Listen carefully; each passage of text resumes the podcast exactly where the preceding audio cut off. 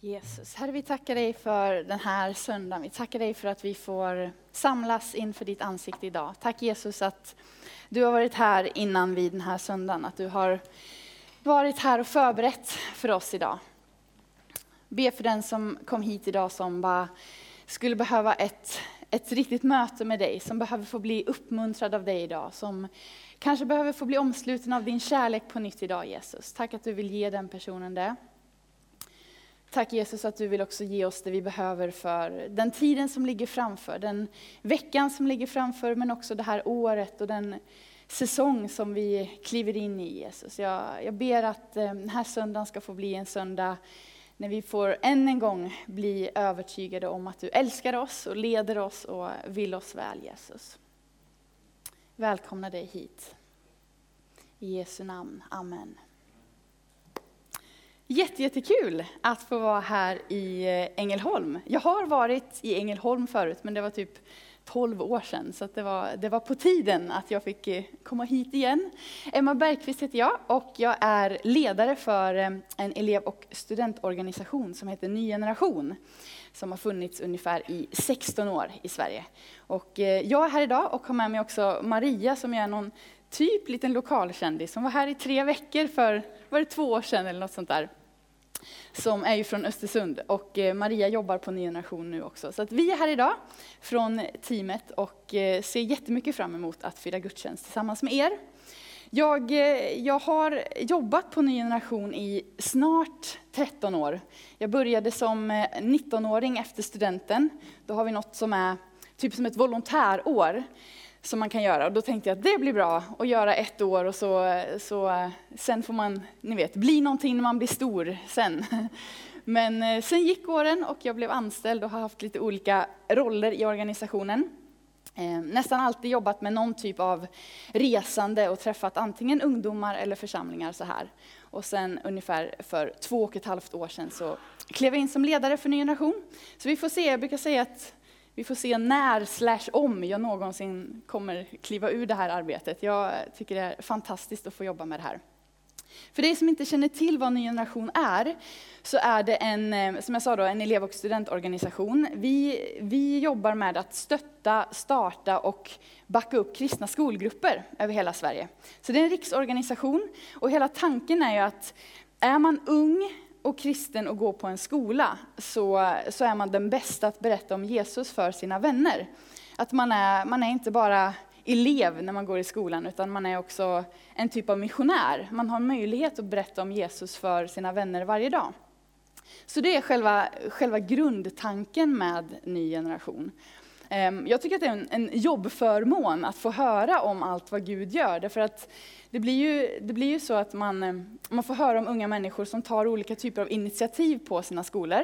De hittar på massa olika grejer för att berätta om Jesus. Jag tog med mig två exempel här bara i inledningen. En från Katedralskolan i Uppsala. De hyrde in en popcornmaskin. En sån här, eh, ni vet som, som eh, popcornen luktar så gott, det sprider sig i korridoren att det luktar popcorn. Och så hade de en stor skylt där det stod Vi är kristna, fråga oss varför. Och så stod de och delade ut gratis popcorn. Och vid första tanken så kan man ju tänka, vad, liksom, vad har Jesus att göra med popcorn? Men, men de fick ju jättemånga bra samtal och fick stå och berätta om varför de var kristna och eh, dela med sig av sin tro. Och vi hade några teamare, som vi kallar dem, volontärer på plats som ringde hela tiden till huvudkontoret och sa att nu är popcornen slut igen, vi måste poppa mer popcorn, vi måste skicka dit mer sån här popcornbägare och sådär. Så det, det, blev en jätte, jättebra stund på den skolan. Och sen har vi också ett gäng från eh, Sävsjö, Hoffgårdsskolan i Sävsjö. De gjorde mm, för drygt ett år sedan på påsk, så gjorde de 400 sådana här små påsar, godispåsar med bibelord och det var ja, godis i. Eh, och så stod de och delade ut det till sina kompisar och det var liksom deras sätt att försöka berätta om vad, vad påsken handlar om och försöka sätta liksom strålkastarljuset på Jesus och säga att så här, det är inte kycklingarna som är grejen, utan det, det är någonting annat. Och det här är bara två exempel på det som, som skolgrupperna gör. Det kan vara allt möjligt. Ibland hör man om en idé och så får man fejka lite grann och säga det där låter kanon och så tänker man kanske oj hur kommer det där gå? Men, men alltid så går det bra.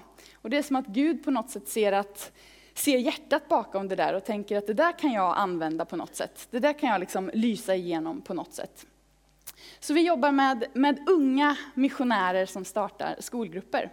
Så just nu finns det ungefär drygt 200 grupper som är aktiva i ja, hela Sverige och eh, har ungefär 11 000 medlemmar och då är det medlemmar som är under 25. Så det, det är ju härliga siffror, men framförallt så är det ju också det är ju inte bara siffror, utan det är ju faktiska personer som har valt att jag vill inte bara att min tro ska vara liksom privat för mig själv, utan att det också ska kunna få komma ut och beröra någon annan.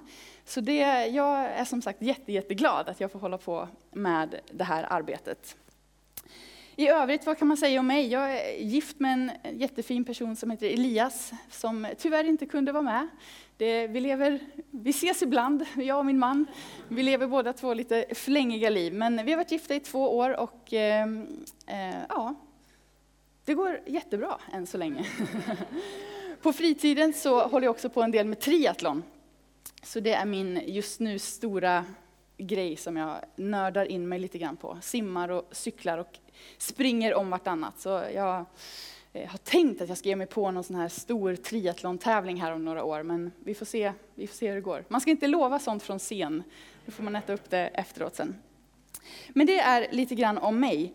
Ehm, den här förmiddagen så eh, hoppas jag kunna skicka med någonting till liksom dig personligen, att du ska få med dig någonting.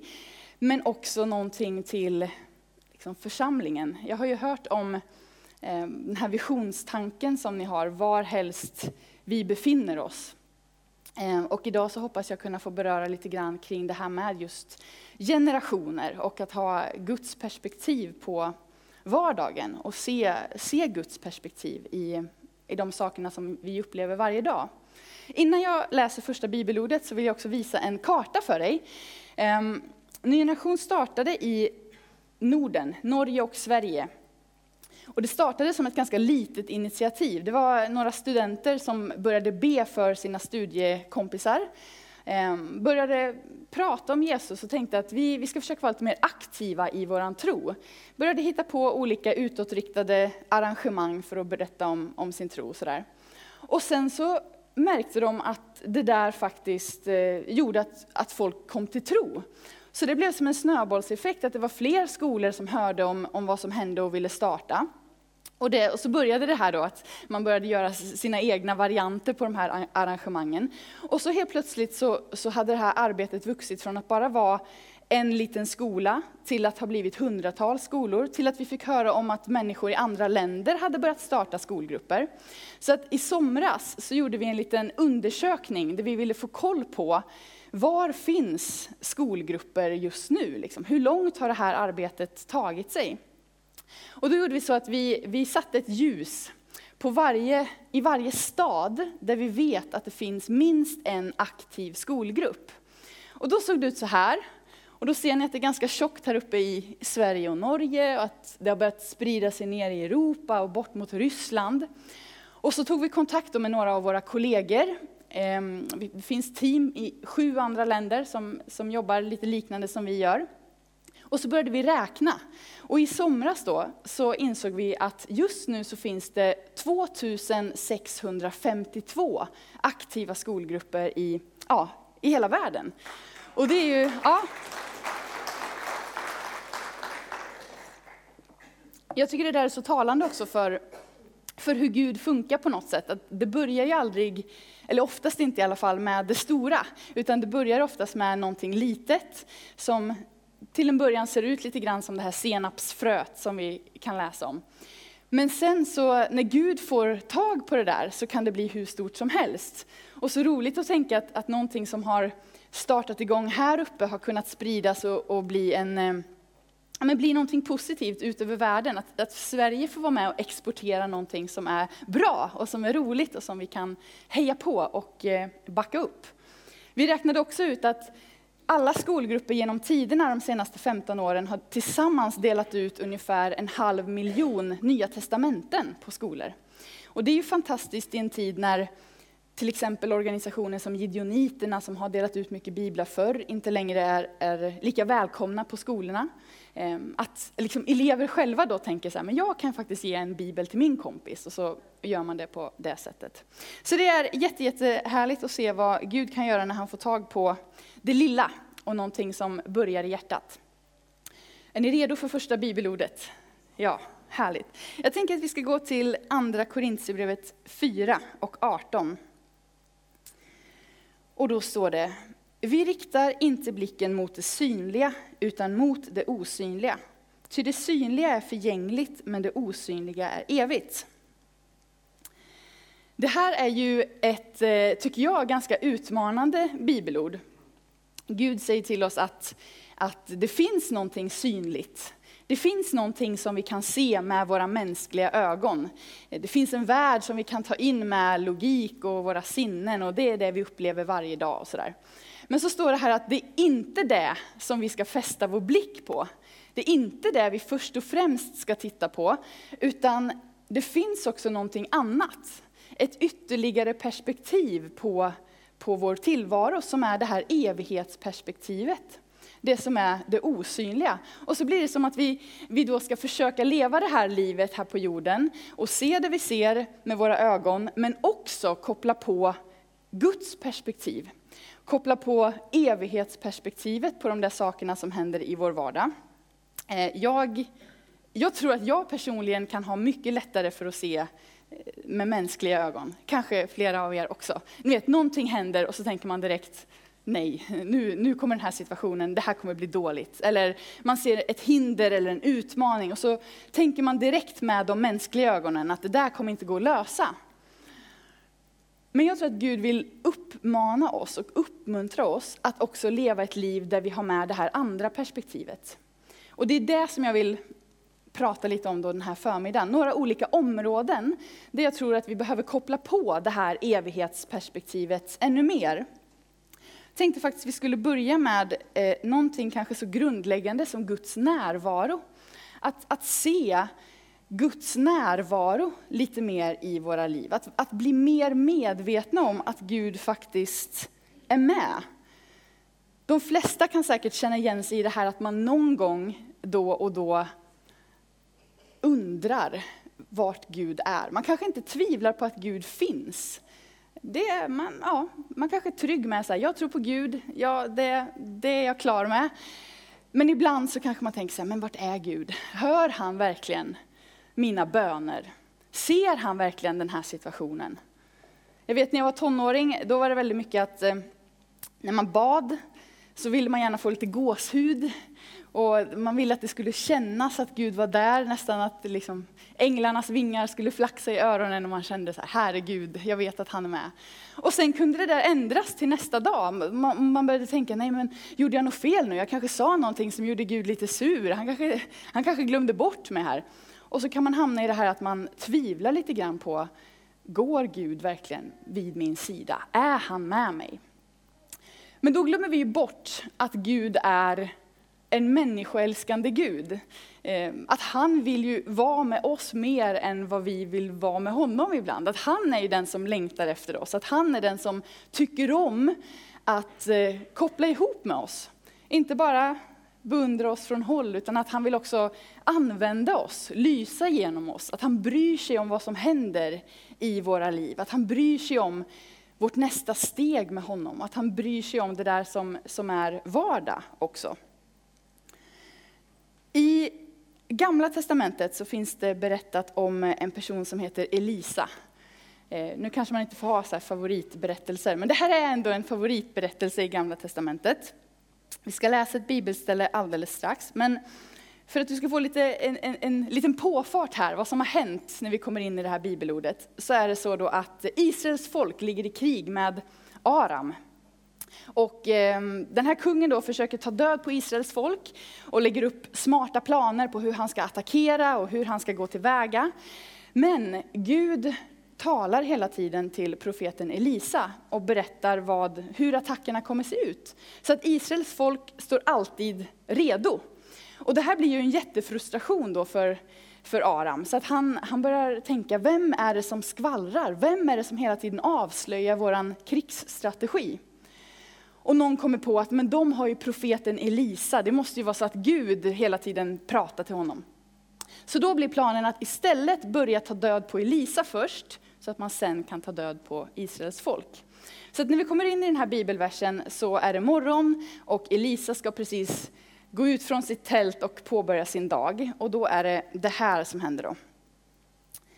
När gudsmannens tjänare tidigt på morgonen steg upp och gick ut, det är andra kungaboken kapitel 6. Se, då hade en här med hästar och vagnar omringat staden. Tjänaren sa till gudsmannen, O min herre, vad ska vi ta oss till? Han svarade, frukta inte, för de som är med oss är fler än de som är med dem. Och Elisa bad, Herre, öppna hans ögon så att han ser. Då öppnade Herren tjänarens ögon, och han fick se att berget var fullt av hästar och vagnar av eld runt omkring Elisa.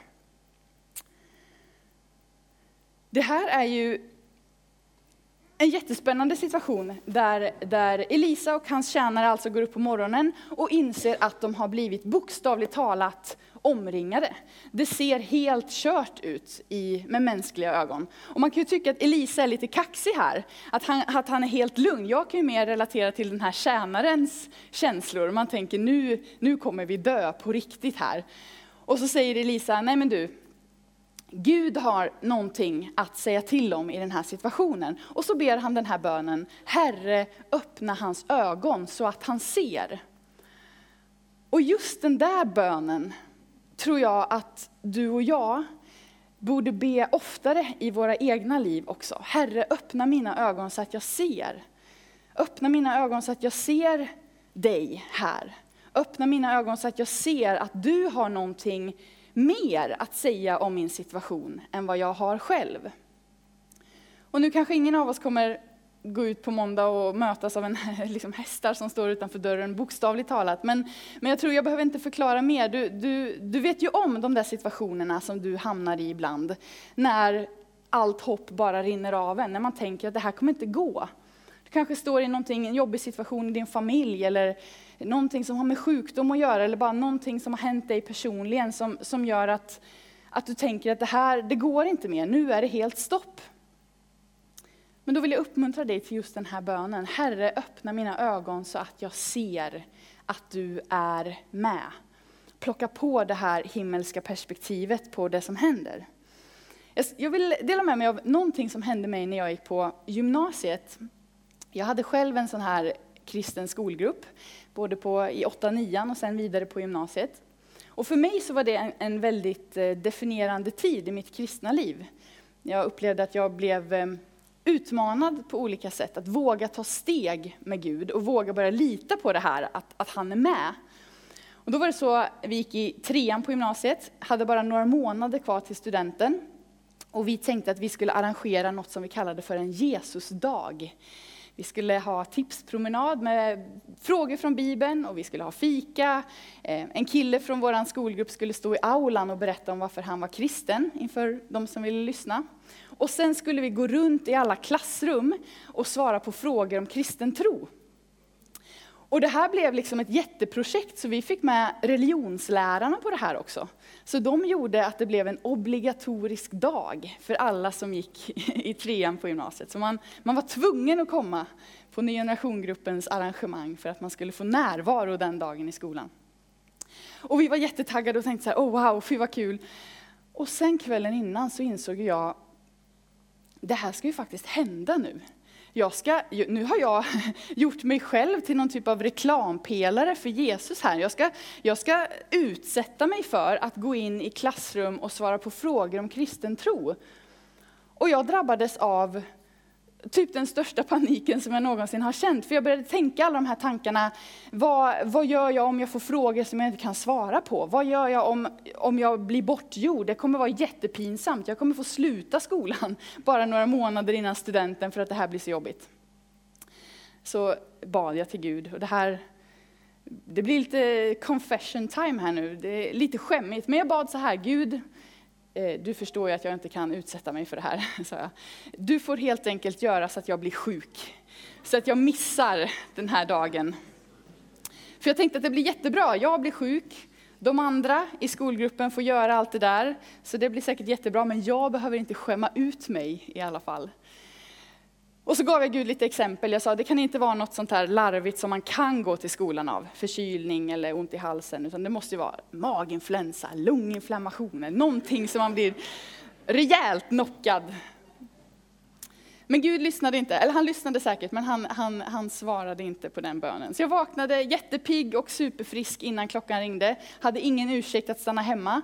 Så jag gick till skolan med, med eh, en klump i magen och oro och nervositet. Så börjar den där dagen och vi betar av moment efter moment och det går ganska bra. Och så kommer vi då till den här sista delen när vi ska gå runt i klassrummen. Och jag kliver in framför min egen klass och säger, eh, ja, är det någonting som ni undrar om Jesus så, så kan jag svara på det nu. Och det första som hände, det var att jag blev så förvånad över att det var så många som hade frågor. Riktigt bra frågor. Hur, hur får man kontakt med Gud? Hur kommer man till himlen?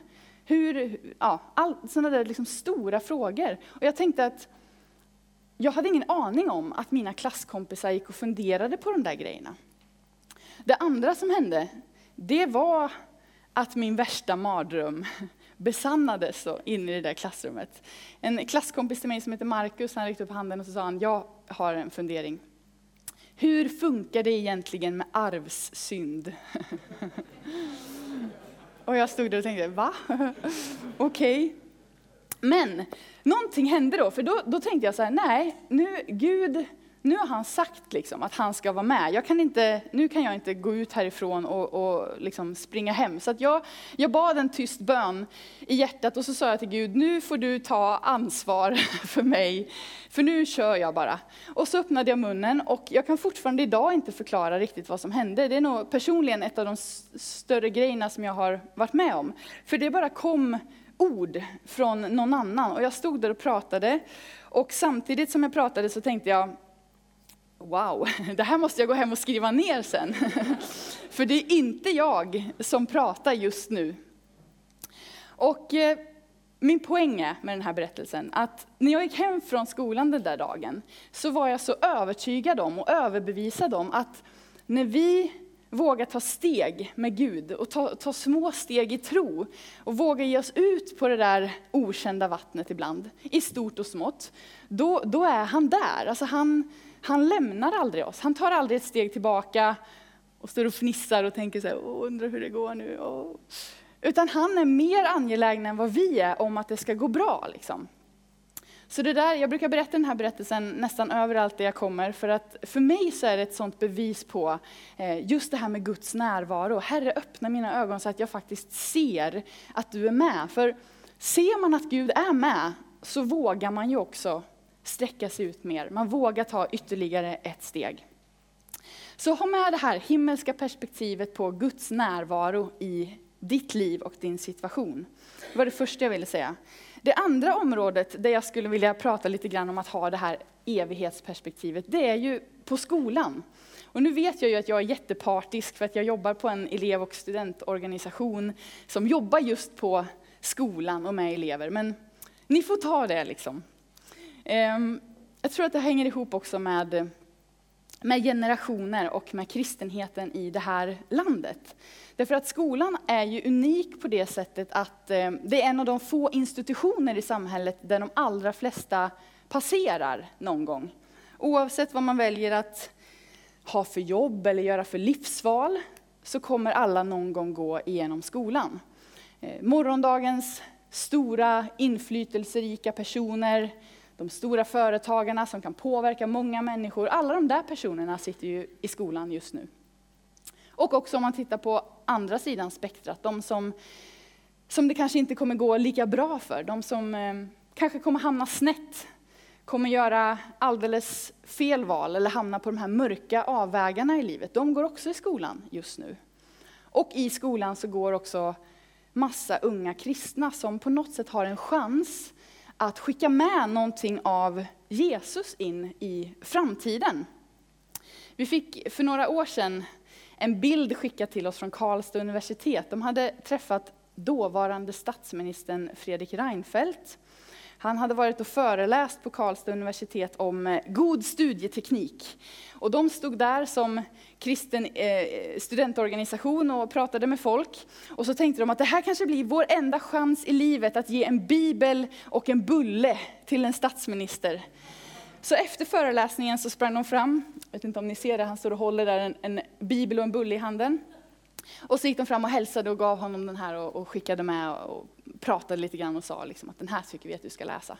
Och när vi fick den här bilden så, så blev ju första tanken, fy vad kul, tänk om statsministern skulle komma till tro. Liksom. Hur skulle det vara att ha en kristen statsminister?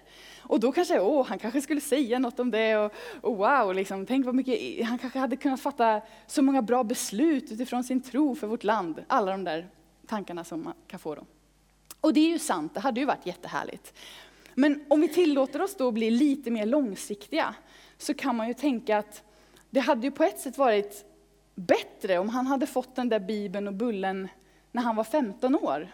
Att han hade hunnit läsa lite grann i den där.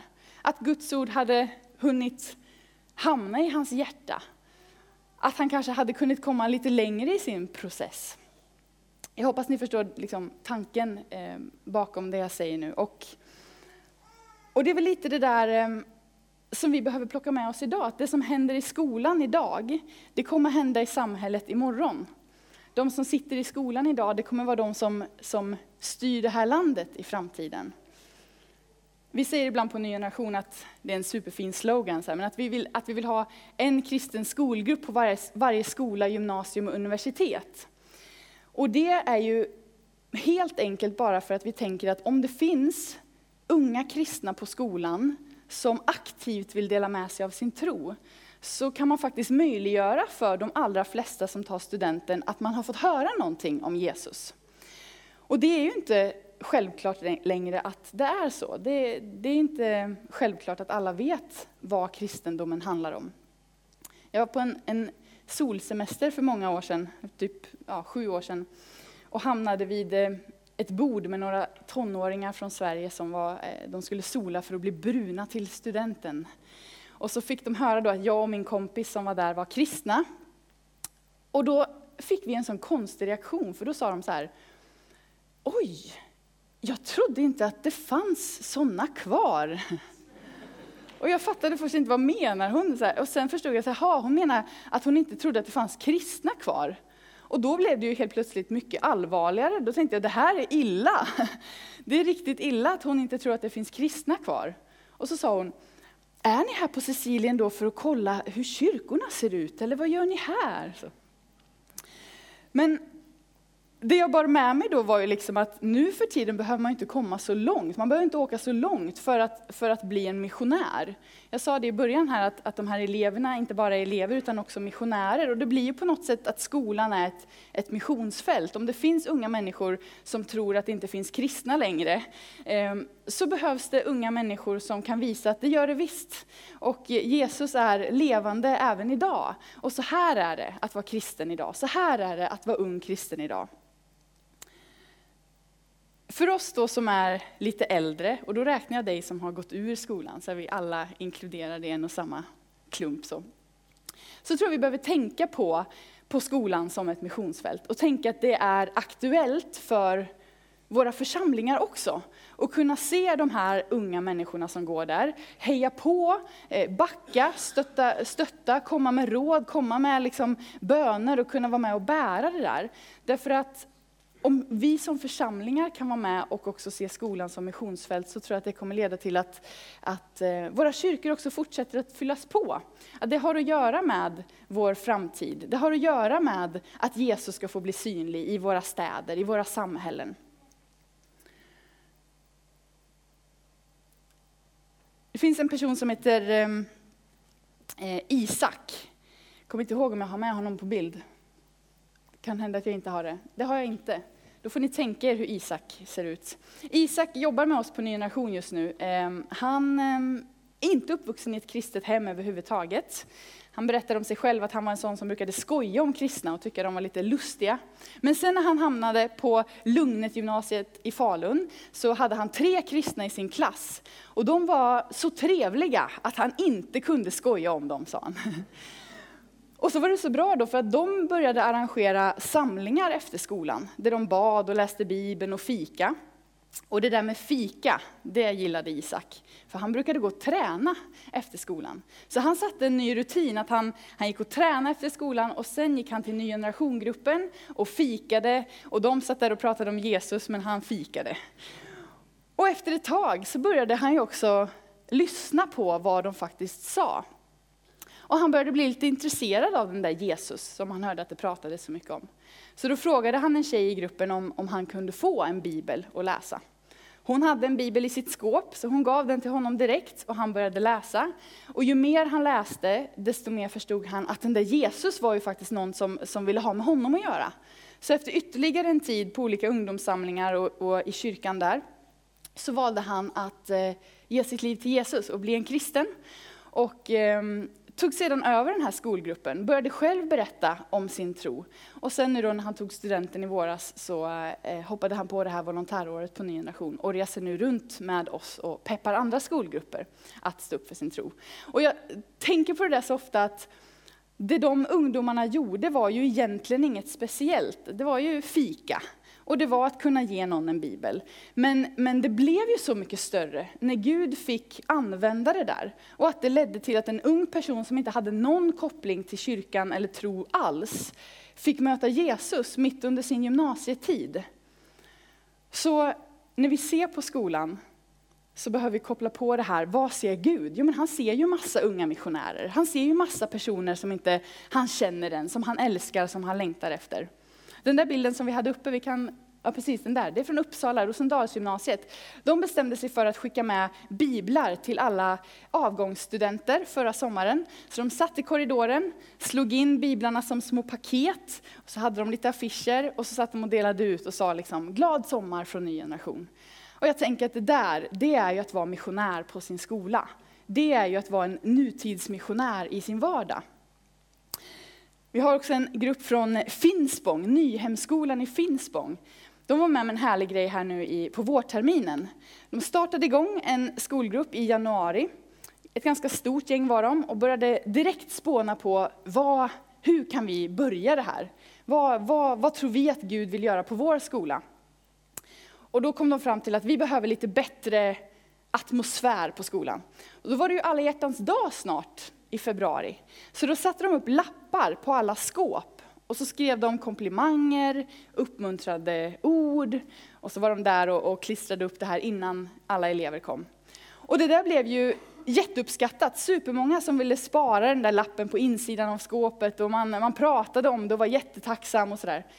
Och en av lärarna då, hon blev så taggad av det här så hon ringde upp Aftonbladet och Expressen. Hon gick liksom till media för att hon ville berätta om det här.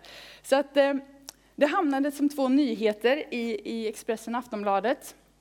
Jag kom till jobbet en dag och så möter jag en teamare som säger det står om ny generation i Expressen och Aftonbladet. Och min första tanke var, aj då, undrar vad som står. Vad står det nu?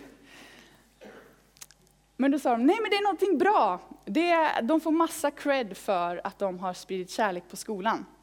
Den här läraren då som säger att det känns jättefint i lärarhjärtat och man blir alldeles varm och sådana grejer. Det här är ju att vara missionärer på sin skola. Att tänka att vi kan göra någonting mer än att bara lära oss franska glosor och ekvationer. Vi kan faktiskt påverka en atmosfär. Och att jag, jag är så glad för deras skull att de fick den här typen av uppmuntran.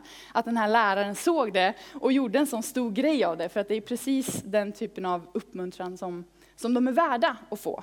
Det är ju inte alltid superlätt att vara 14 år överhuvudtaget. Och eh, att man dessutom då väljer att stå upp för sin tro i eh, ibland en, en ganska hård miljö. Eh, det är ju värt allt och de är värda alla våra hejarop. Och det leder mig faktiskt in på det här sista tredje området där vi behöver koppla på det eviga himmelska perspektivet. Och det är nämligen när det kommer till generationer. att kunna se på våra olika generationer med Guds ögon. Jag vet inte om det låter märkligt, men ju mer jag och vi som organisation jobbar med ungdomar, desto mer känner vi ett behov av den äldre generationen som är med och backar upp. Ju mer vi rör oss i ungdomsvärlden, desto mer känner vi så här, men vänta nu, här behövs ju församlingen som är med och, och, lyfter. Vi behöver liksom andliga mammor och pappor som har gått före, som kan vända sig om och som kan stötta de här ungdomarna. Vi behöver andliga mormor och, och morfäder, fäder, den äldre generationen, i flera led, som kan vara med och stötta och bära. Vi är ju inte ensamma öar, utan vi är ju, vi är ju länkar i en kedja. Och jag tror att Gud har tänkt det så, att vi ska hänga ihop. Och att vi inte ska hålla på med våra enskilda grejer i våra olika hörn, utan att vi ska koppla samman och se oss som att vi springer samma lopp. Vi har sprungit kanske olika sträckor, vi har kanske olika fokus, vi tänker på saker på olika sätt. Men, men, men det är tänkt att det ska finnas en växling, att det ska finnas ett samband mellan våra olika generationer. I första Korintierbrevet kapitel 3 så står det, vers 6-8. Jag planterade, Apollos vattnade, men Gud gav växten. Varken den som planterar eller den som vattnar betyder därför något, utan endast den som ger växten, och det är Gud. Den som planterar och den som vattnar är ett, och var och en ska få sin lön efter sitt arbete.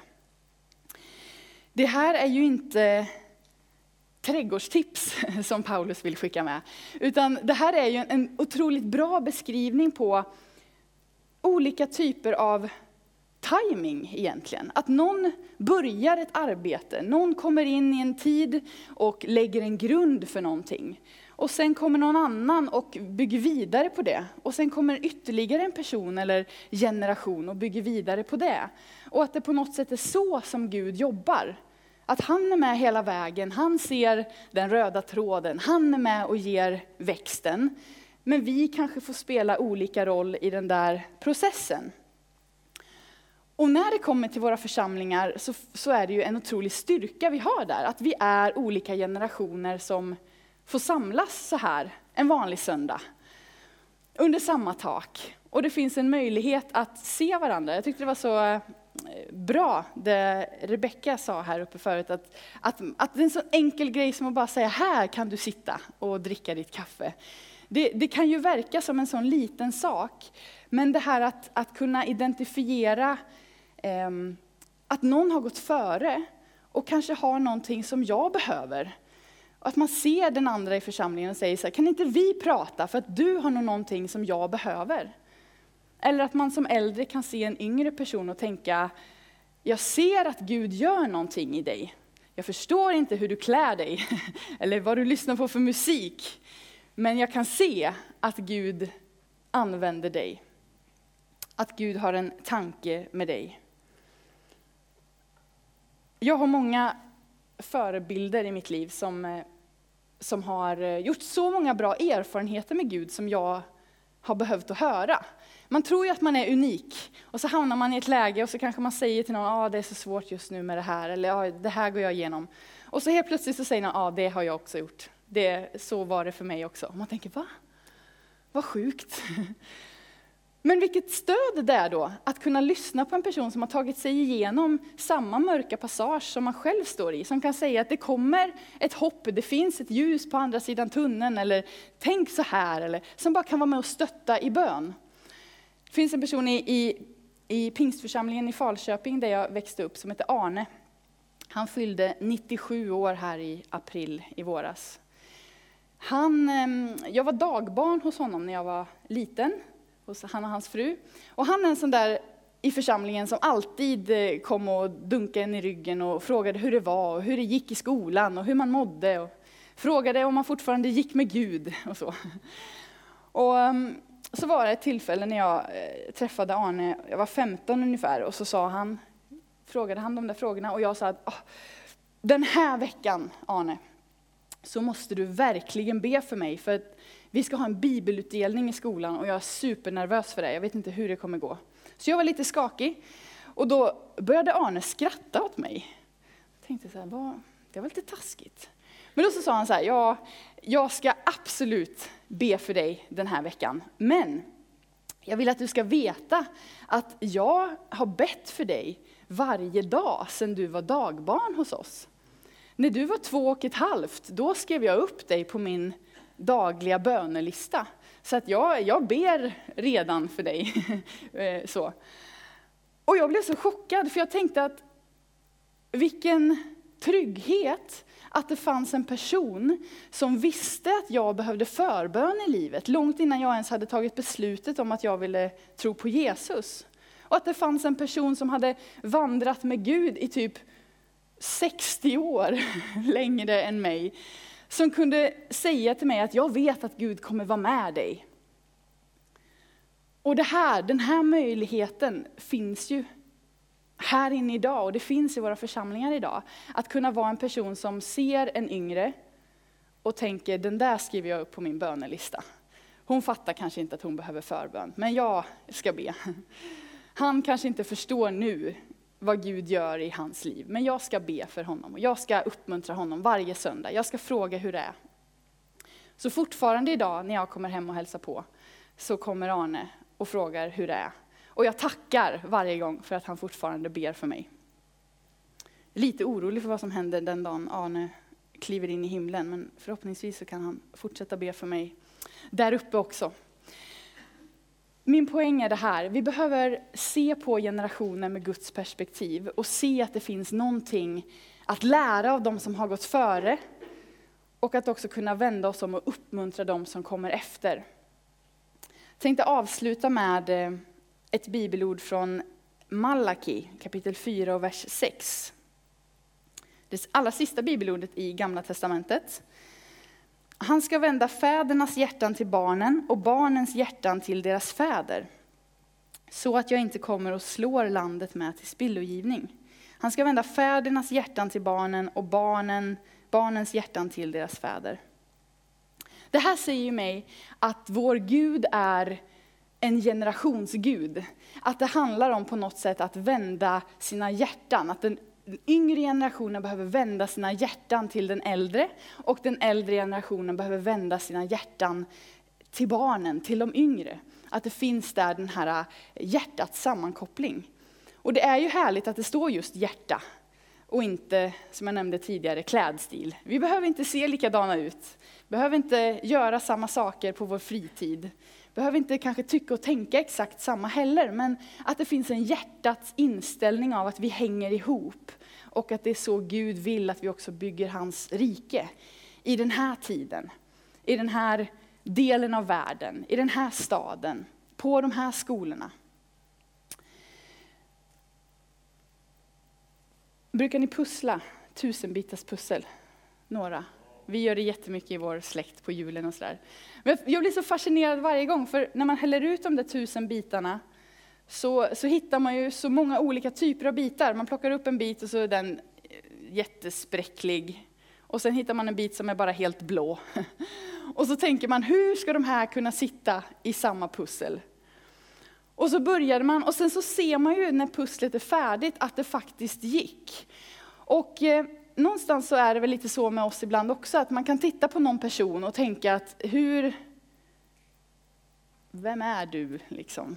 Hur kan vi vara en del av samma Guds familj? Eller vi hänger inte ihop, eller man kanske ser de här skillnaderna först och främst. Men Gud är ju den där som sitter med med boxen, med motivet. Och han vet att när den personen får sitta på sin plats där och den där personen sitter på sin plats där, då är de tillsammans med och bygger upp hela bilden. Och att det är så motivet blir helt och utan hål och att det är så motivet blir helt färdigt och klart. Så sitter du här och kanske känner att du är en udda pusselbit, så behövs du ändå vara med. Det finns någon liten bit för dig som kommer bli ett hål om du inte är där. Och är du en som kanske tycker att många andra är konstiga, udda pusselbitar, så um, tänker jag att Gud kanske vill öppna våra ögon även på det området och bara peka på att det finns plats för många. och att det behöver finnas en tillit till att, att vi hänger ihop. Vi ber tillsammans. Tack Jesus för den här staden, det här området, den här församlingen. Tack att jag får vara här idag och möta den här församlingen. Jag tackar dig Jesus för att vi får läsa i ditt ord och bli uppmuntrade på massa olika sätt. Herre. Jag, ber särskilt för den som eh, kom hit idag som kanske känner igen sig i att man står i en svår och jobbig situation, där man tycker att det känns hopplöst, där det bara är mörkt och där man inte riktigt vet hur man ska ta sig ur det här. Kom med ditt hopp idag. Vi, vi vill be den här bönen, Herre öppna våra ögon tillsammans. Öppna ögon just nu Jesus. Låt oss få se de här hästarna och vagnarna av eld runt omkring oss. Att du är med, du har liksom skickat din uppbackning.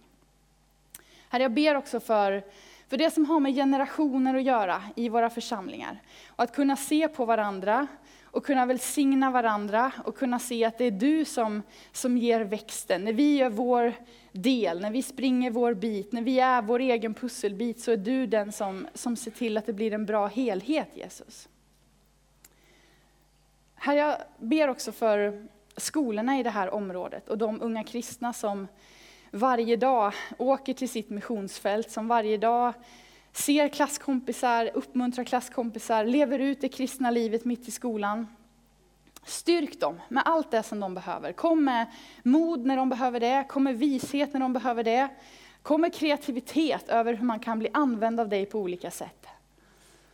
Jag ber att vi ska få höra om i framtiden hur människor kom till tro tack vare en kompis, tack vare att någon eh, började se på sig själv lite mer som någon som kan dela med sig av sin tro. Vi lägger det i dina händer, Herre. I Jesu namn, Amen.